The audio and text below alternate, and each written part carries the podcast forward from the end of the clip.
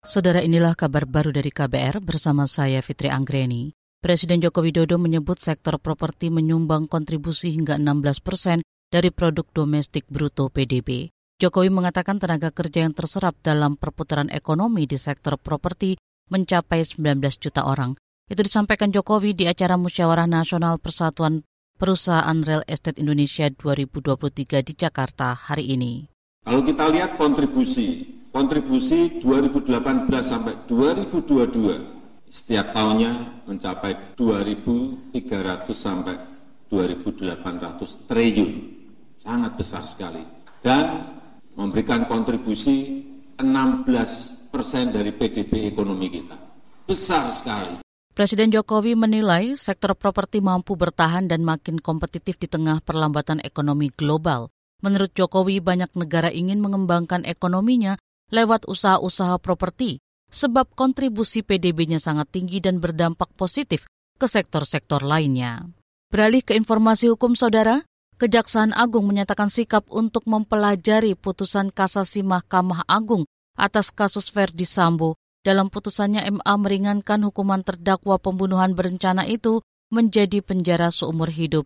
Juru bicara Kejagung Ketut Sumedana mengatakan lembaganya menghormati dan menghargai seluruh putusan terhadap permohonan kasasi Sambo dan terdakwa lainnya. Kejaksaan kata dia perlu mempelajari putusan kasasi sebelum menentukan langkah selanjutnya. MA menyunat vonis terdakwa pembunuhan berencana terhadap Yosua Huta Barat Ferdi Sambo dari hukuman mati menjadi penjara seumur hidup. Kemudian Putri Chandrawati dari penjara 20 tahun menjadi 10 tahun, Ricky Rizal dari 13 tahun menjadi 8 tahun, dan Kuat Ma'ruf dari 15 tahun menjadi 10 tahun.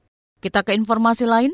Menteri Kelautan dan Perikanan KKP Sakti Wahyu Trenggono mengajak semua pihak menjunjung tinggi budaya maritim Indonesia Kata dia transformasi peradaban bahari bukan semata tentang pembangunan fisik atau teknologi, namun perlu perubahan peradaban yang melibatkan pola pikir, sikap, dan budaya. Hal ini dia sampaikan dalam Seminar Nasional Transformasi Peradaban Bahari Menuju Indonesia Emas 2045 hari ini. Kita perlu memahami dan menginternalisasi nilai-nilai kearifan lokal serta menjunjung tinggi budaya maritim kita yang kaya. KKP telah mendukung upaya ini melalui pendidikan dan pelatihan yang akan menjadi tiang penyangga dalam mewujudkan perubahan ini, di mana generasi muda dibekali dengan ilmu pengetahuan, etika, dan semangat berkontribusi. Menteri Kelautan dan Perikanan Sakti Wahyu Trenggono mengklaim kementeriannya melakukan transformasi tata kelola perikanan melalui pendekatan ekonomi biru meliputi perluasan kawasan konservasi laut, penangkapan ikan terukur berbasis kuota, hingga pembersihan sampah plastik di laut.